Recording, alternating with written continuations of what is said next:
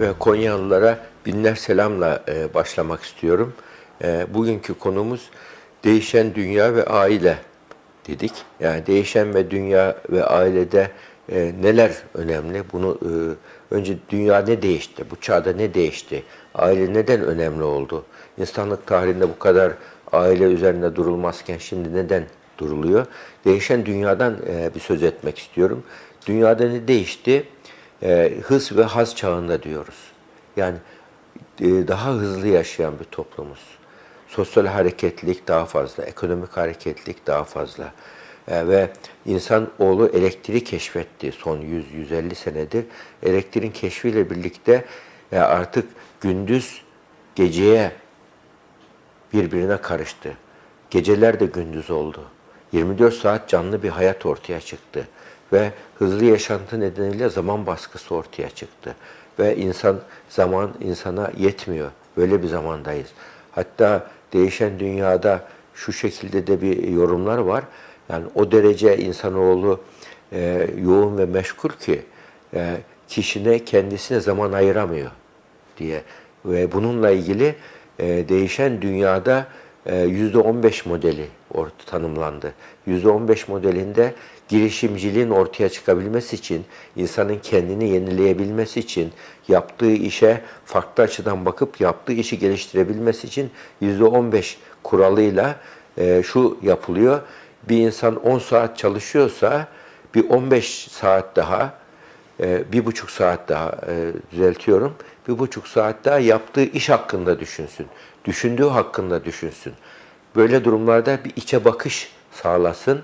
E, e, yukarıdan yaptığı işe, büyük fotoğrafa bakabilmeyi başarsın. Böyle başarabilirse insan e, kendine özel bir zaman, sessiz bir zaman ayırabilirse böyle durumlarda kendini yenileyebilir deniyor. İşte değişen dünyadaki zaman baskısı ve bu hareketliliğin, sosyal hareketliliğin, ekonomik hareketliliğin artması nedeniyle bu aileye de yansıdı. Aile bağlarını olumsuz etkiledi. E, bakıyorsunuz evlenen bir kimsede yani e, kadın eğer e, çalışmıyorsa kendisini çocuklarına veriyor. Eğer e, e, erkek ev, e, böyle durumlarda kendini işe veriyor. Evlendikten sonra ne oluyor? Aile bağları hızlı bir şekilde zayıflamaya başlıyor. E, ve yani evlilikteki üç dönem vardır. Bak birinci dönem evlilikte e, romantizmin olduğu dönemdir. Romantizm döneminde ne vardır? E, aşk vardır, mutluluk vardır, balayı dönemidir. Bu dönem e, kısa sürede bitiyor. En fazla iki sene içinde buharlaşıyor. Sonra ne oluyor? Sonra güç çatışması, kişilik çatışması yaşanıyor. Ego savaşları başlanıyor. Böyle durumlarda her ailenin geçtiği bir süreçtir bu. Böyle durumda taraflar şanslıysa ya akıllı çözüm üretebiliyorsa üçüncü dönem ortaya çıkıyor. Üçüncü dönemde ne var? Bağlılık dönemi ortaya çıkıyor. Bu nedenle bu, de, e, bu ailedeki bu üç dönem günümüzde çok hızlı değişmeye başladı. Hızlı etkilenmeye başladı. Ne oldu? Değişen dünyanın hareketliliği aileye de yansıdı. Ve e, değişen dünyadaki endüstri devrimleri aslında değişen dünyayı bu hale getirdi. Değişen endüstri devrimleri ne vardı? 200 sene önce e, endüstri devrimi endüstri 1.0 başladı. Buhar gücü bulundu. E, güç ve sermaye bu gücü kullananın eline toplandı. Makine gücünün, buhar gücünün eline.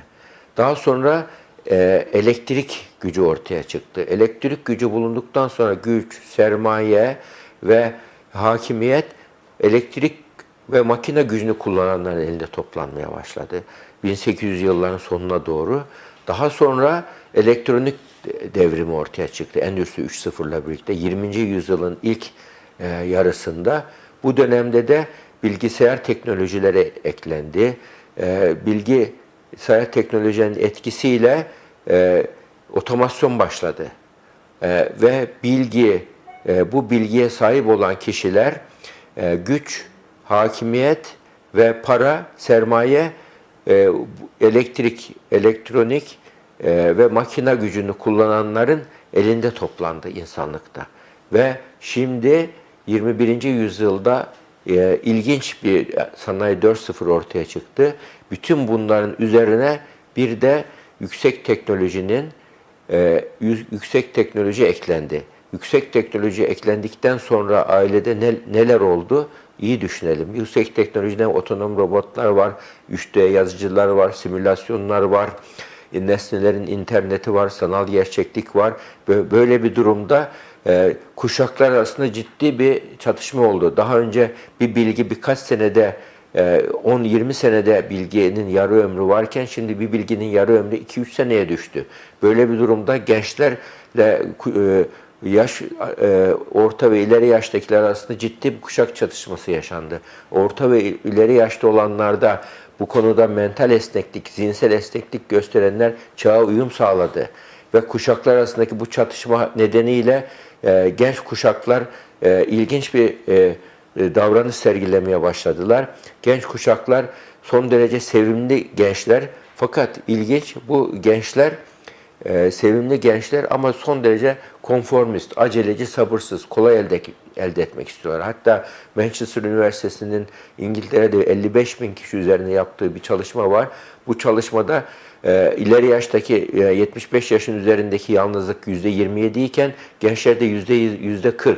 Yani sosyal izolasyon var bilgisayara, dijital bağımlılığa kendilerini kaptırmışlar. O dünyada mutlular ama e, bu mutluluk içerisinde bakıyorsunuz konformist ve ben merkezci bir nesil ortaya çıkıyor. Evlenmek istemiyor. Ben e, dünya bir defa geldim. Niye bir kişiyle kendimi bağlayayım ki diyor. Ayak bağı gibi görüyor evlilik. E, daha sonra bakıyorsunuz bu kuşak insanlarına e, niye bir mortgage gibi bir kiraya ev alayım da 10 sene 20 sene kira öde, ödeyeyim, borç diyor. Ben canımın istediği gibi yaşamak istiyorum. Madde kullanıyor. İntihar hızı e, İngiltere'de intihar hızı e, 15-25 yaş arasında e, trafik kazalarından ölen genç hızından daha fazla. Bu küresel sorun haline geldi. Bütün bu sorunlarla uğraşırken, e, boğuşurken e, bakıyorsunuz gençler elimizden kayıp gidiyor gibi. 50 sene, 30 sene, 60 sene sonra ne olacağımızı bilemiyoruz. Böyle bir durumda aile de etkilendi. En çok genç kuşaklar etkilendi. Dünyada evlilik oranı düştü, boşanma hızı arttı. Yani hatta salgın derecesinde arttı. Böyle durumlarda aile değerlerine sahip çıkabilmek, aileye e, önem veren kişiler geleceğe kazanacaklar. Eğer bir devlet şu anda orta vadeli yatırım yapmak istiyorsa aileyi bağlarını güçlendirecek politikalar üretmeli. Çinlerin güzel bir atasözü var. Bir yıllık varlık istiyorsanız buğday ekin. 10 yıllık varlık istiyorsanız ağaç dikin. 100 yıllık varlık istiyorsanız insan yetiştirin. Evet şu anda yetişen insanlar gelecek açısından çok e, yetişen kuşaklar gelecek açısından çok riskli kuşaklar. Biz eğer e, gençleri, insanlığı yetiştiren en büyük e, kültür alanı e, ailedir. Aileyi sağlıklı ve güvenli, sıcak bir ortam yapmazsak aile e, bağları zayıflayacak, aile değerleri zayıflayacak ve sağlıklı ailenin olmadığı yerde olmadığı yerde sağlıklı gençler, sağlıklı insanlar yetişemeyecek. Bu nedenle e, e, orta vadeli, uzun vadeli en önemli yatırım bir devletin yol, köprü yapmasından daha önemli şey aile bağlarını güçlü tutacak gençler üzerinde sağlıklı politikalar üretmesidir. Yoksa geleceğe kaybetme riskiyle karşı karşıyayız. Ama çok şükür bizim e, aileyi bir arada tutan değerlerimiz var. Bu değerleri yeniden inşa etmek gerekiyor. Yani gü- günümüzün değerleriyle e, çağımızın teknolojisiyle, imkanlarıyla aile değerlerimizi birleştirirse, birleştirirsek, e, kendi inanç sistemimizle, kendi kültürel yapımızla, e, modernizm kazanımlarını bir araya getirirsek, manevi birikimlerimizle modernizm kazanımlarını bir araya getirirsek, bu sentezi yapabilirsek, sağlıklı gençler yetişebilir. Değişen dünyada aileyi hem muhafaza ederiz hem insanlığa iyi bir örnek sunarız diye düşünüyorum. Bu nedenle değişen ve dünya, dünya ve aileye muhakkak kafa yormamız gerekiyor. Aileye yatırım yapmamız gerekiyor. Aileyi bir arada tutan değerleri, e, ailenin e, e, e, aileyi yeniden inşa eden değerleri herkesin birinci derecede yaşatmaya çalışmasında çok fayda var diye düşünüyorum.